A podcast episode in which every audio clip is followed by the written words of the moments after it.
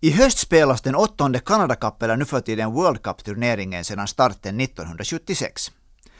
Det var bra att ishockeyns mest prestigefulla turneringen ursprungligen hette just Canada Cup.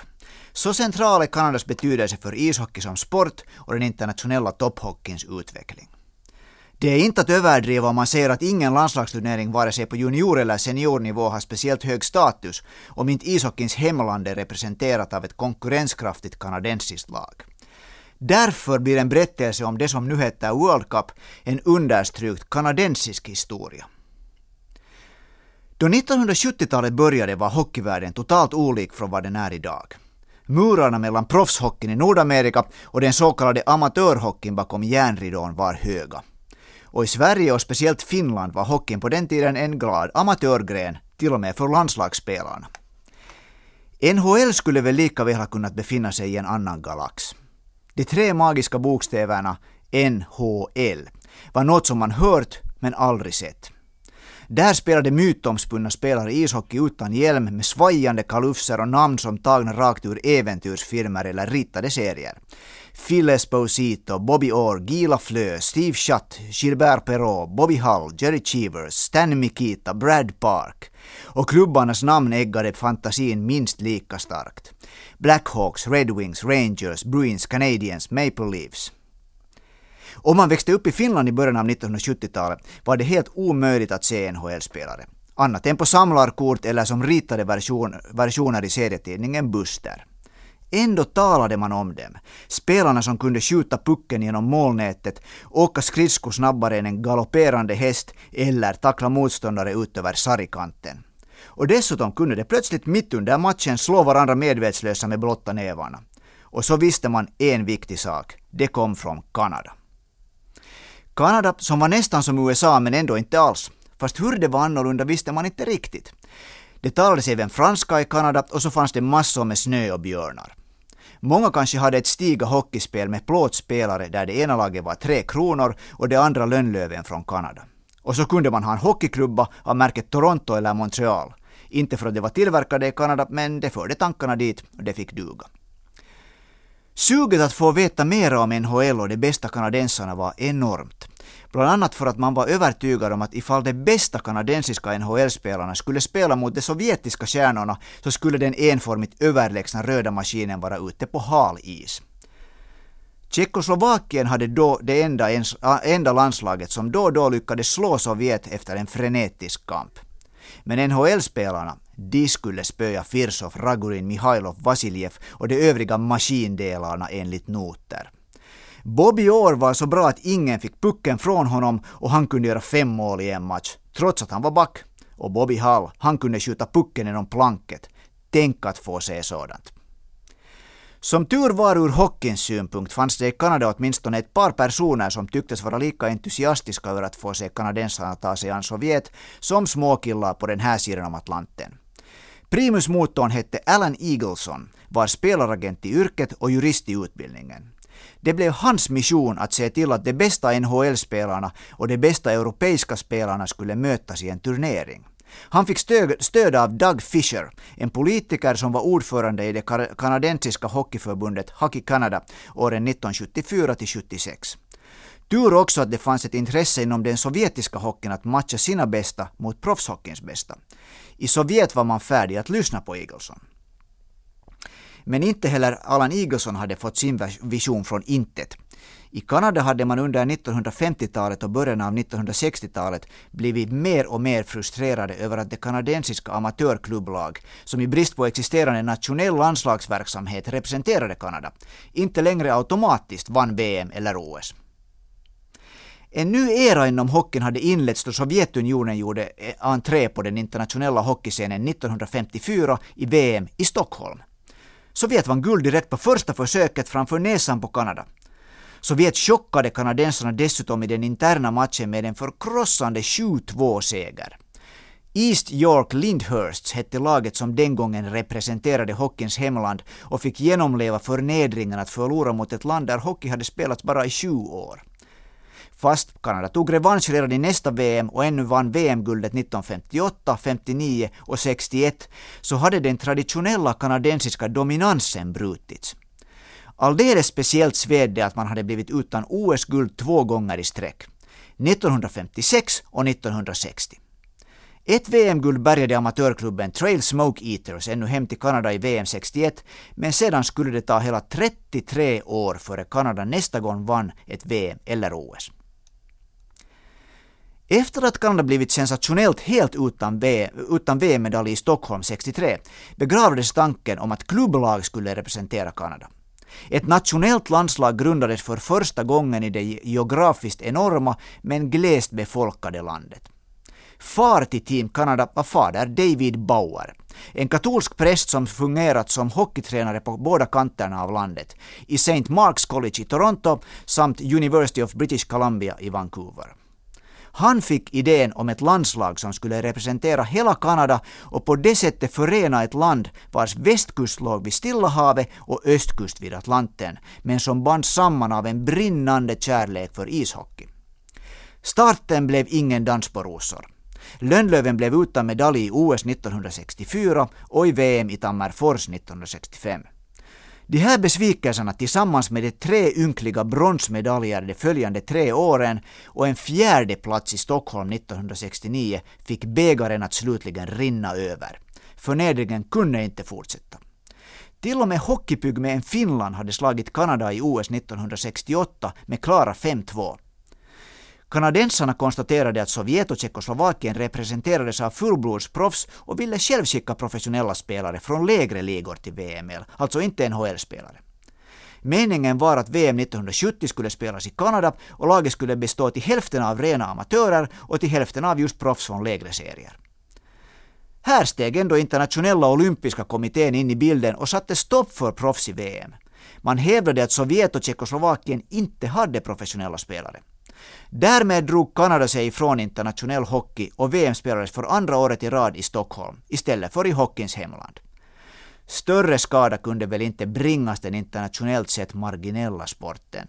Ungefär som om Brasilien och Tyskland på en gång skulle dra sig ur Fifas verksamhet. Som ett resultat av det här höll sig Kanada borta från VM i sju år, ända tills landet fick skicka ett fullblods NHL-lag till VM 1977. Men före det hände det mycket. Världen fick för första gången se de bästa kanadensiska NHL-spelarna spela tillsammans som Team Canada. Och det dessutom i ett par repriser. Först ute var en åtta matchers serie mellan Sovjet och Kanadas bästa möjliga landslag. Serien fick namnet Summit Series och lade grunden för att NHL öppnade dörren till Europa, vilket det å sin sida lade grunden för hur hockeyvärlden ser ut idag. På hösten 1977 på hösten 1972, före NHL körde igång, hände det historiska. En matchserie mellan NHLs my mytomspunna stjärnor och Sovjets mäktiga landslag blev verklighet. Matchserien fick alltså namnet Summit Series och spelades i två delar, fyra matcher i Kanada och fyra i Sovjet. Kanadas spelarlista får hockeynestalgiker att tappa andan ännu idag. Tony Esposito, Kenny Dryden, Bobby Orr som tyvärr skadade sig och inte kunde spela, Brad Park, Gary Bergman, Phil Esposito, Bobby Clark, Frank Mahavlich, Gilbert Perrault, Marcel Dion, Rod Gilbert, Guy Lapointe, Stan Mikita, Jean Rotel och Paul Henderson. Som en genomgång av Hockey Hall of Fame med andra ord. Spelare som aldrig tidigare hade spelat för ett gemensamt mål och hade många arga och bittra rivalrelationer. Hur skulle ett sådant här kärngäng någonsin kunna bli ett sammansvetsat lag? Motståndet gick inte heller det av för hackor. För den som följde med hockey på 70-talet väcker namnlistan på Sovjetspelarna såväl beundran som förtvivlan. Vladislav Tretjak, Viktor Tsinger, Alexander Ragulin, Valerij Vasiljev, Vladimir Lutjenko, Alexander Maltsev, Alexander Jakushev, Vladimir Shadrin, Juril Japkin, Boris Mihailov, Vladimir Petrov och såklart Valerij Harlamov.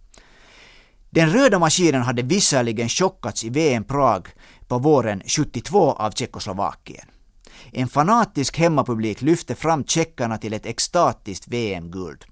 Men Sovjet vann tidigare under vintern lagets tredje raka OS-guld och hade dominerat den internationella landslagshockeyn sedan början av 1960-talet. Men nu, nu skulle äntligen Sovjet möta ett landslag som ansågs vara betydligt starkare än rödtröjorna. Det gällde alltså åtta matcher och två lag som var hungriga på att visa vad det går för.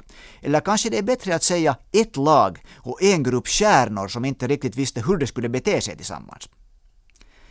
Det hela började med fyra matcher i Kanada.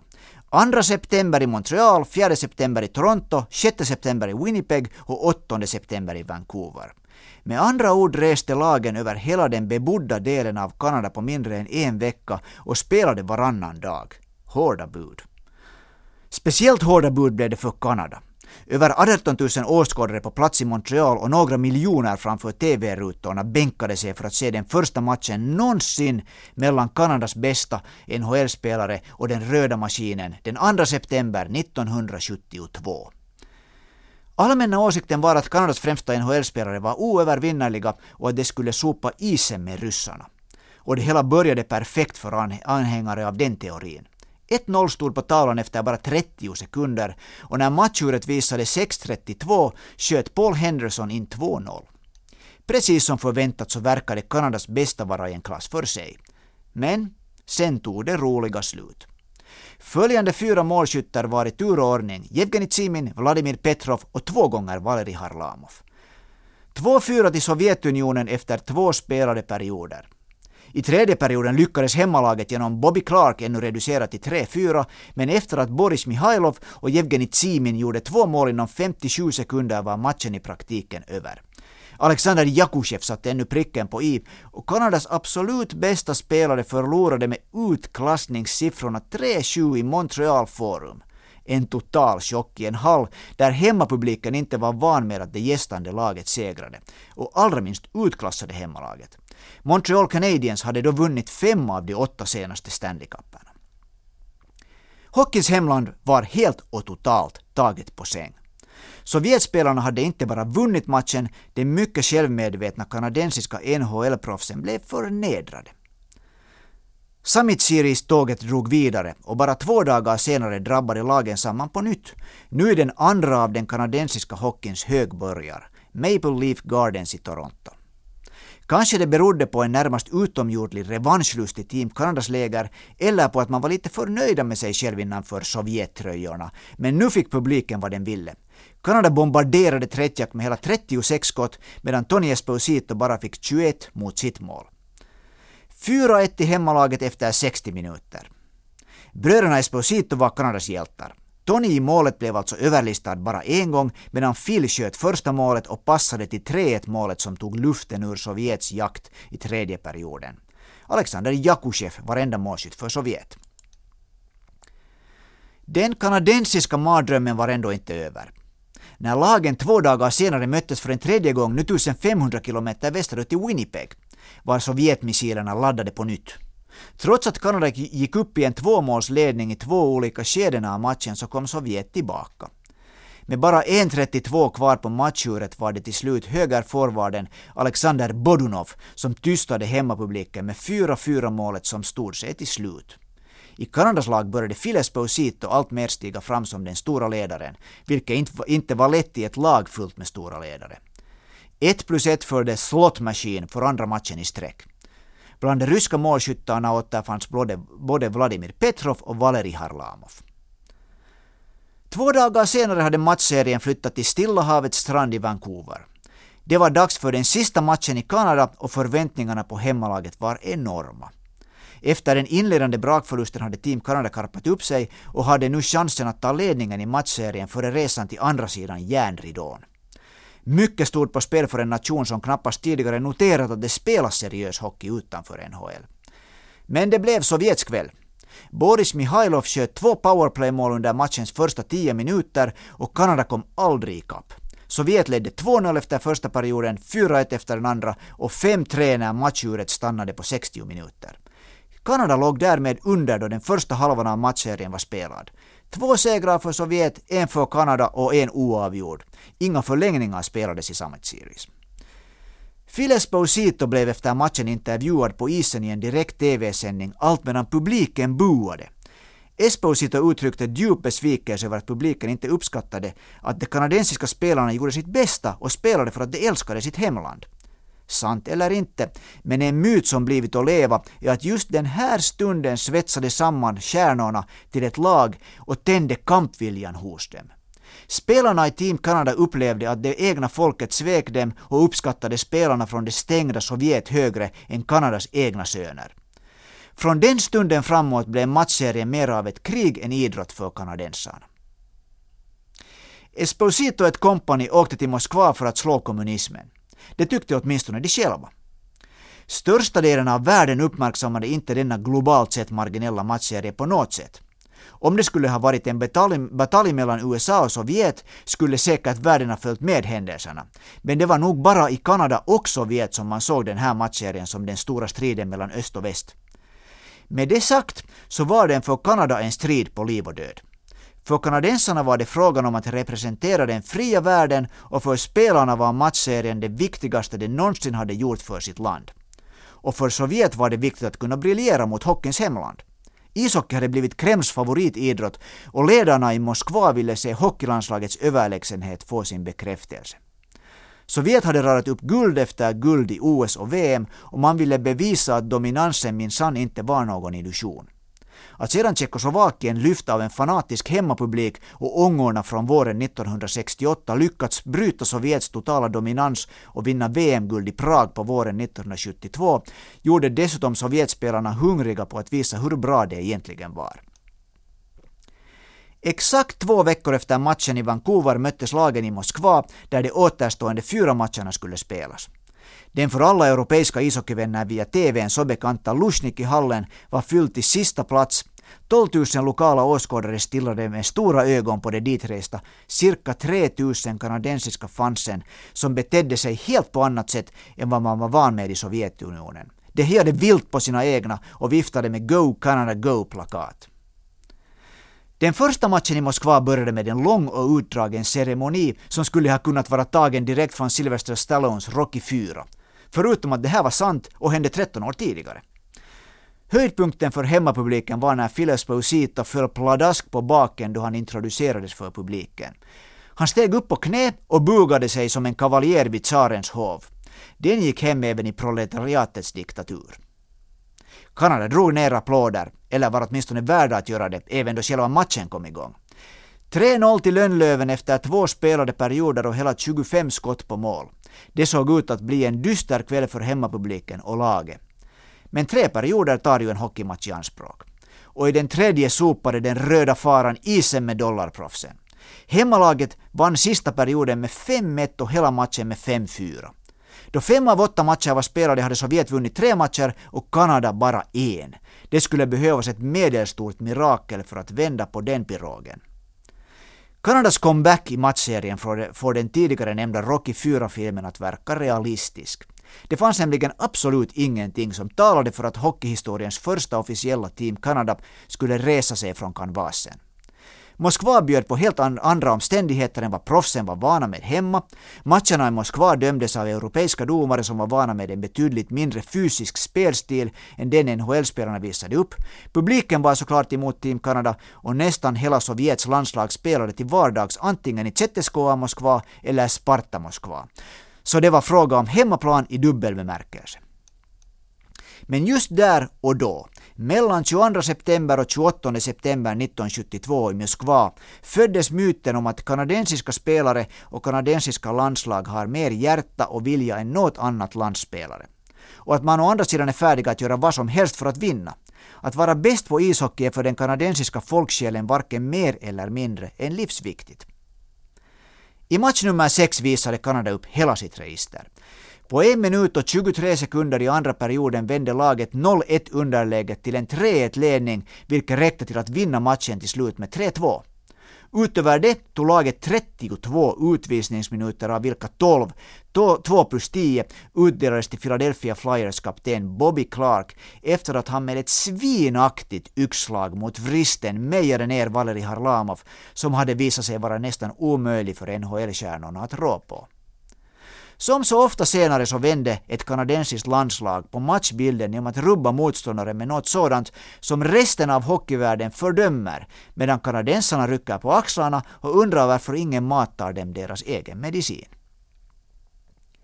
I följande match hade Sovjet nu chansen att avgöra serien.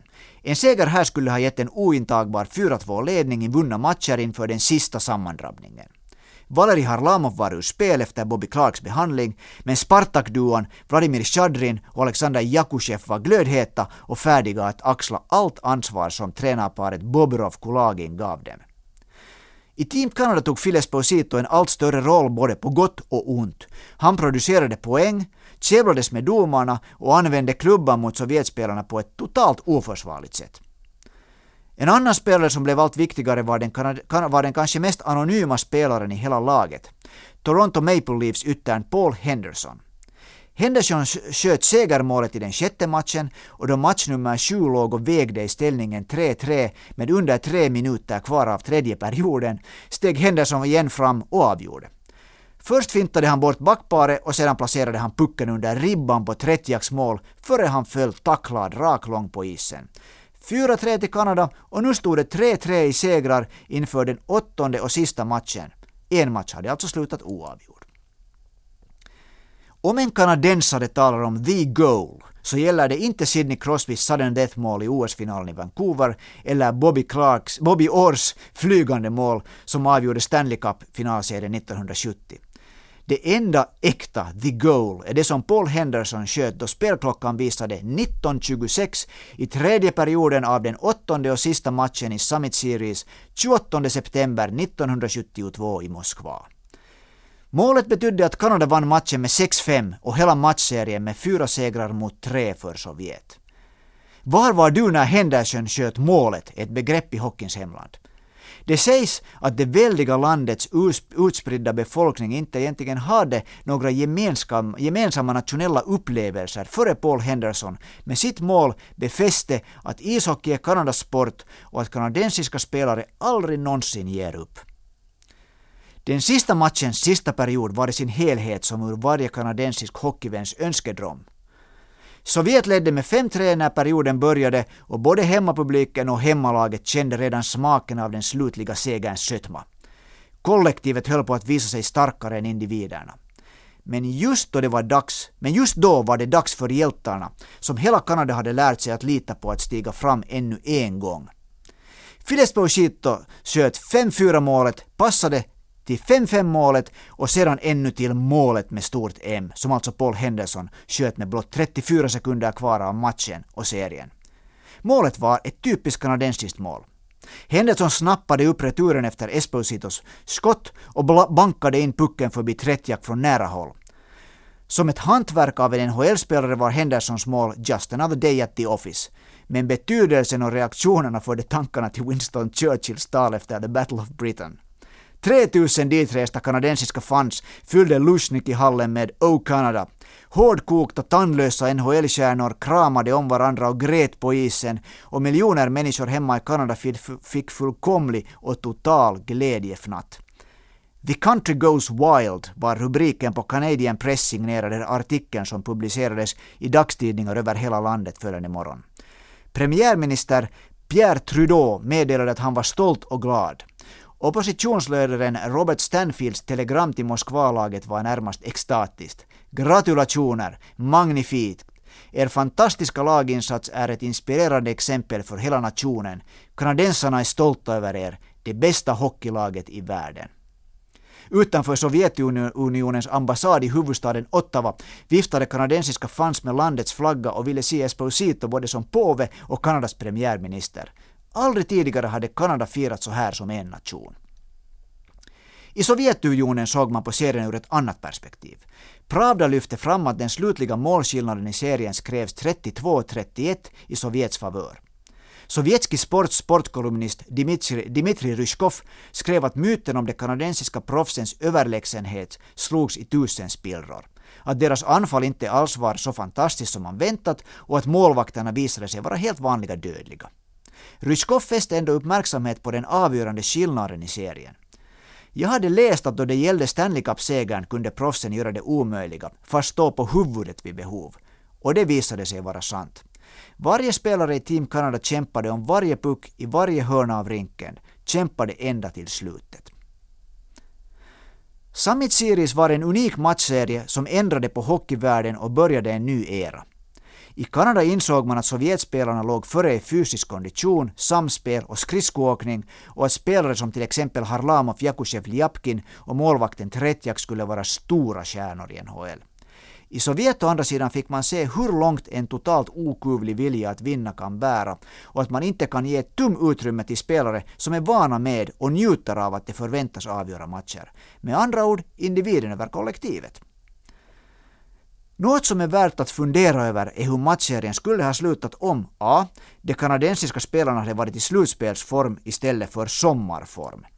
B. Team Kanada skulle ha tränat ihop sig som lag i månader.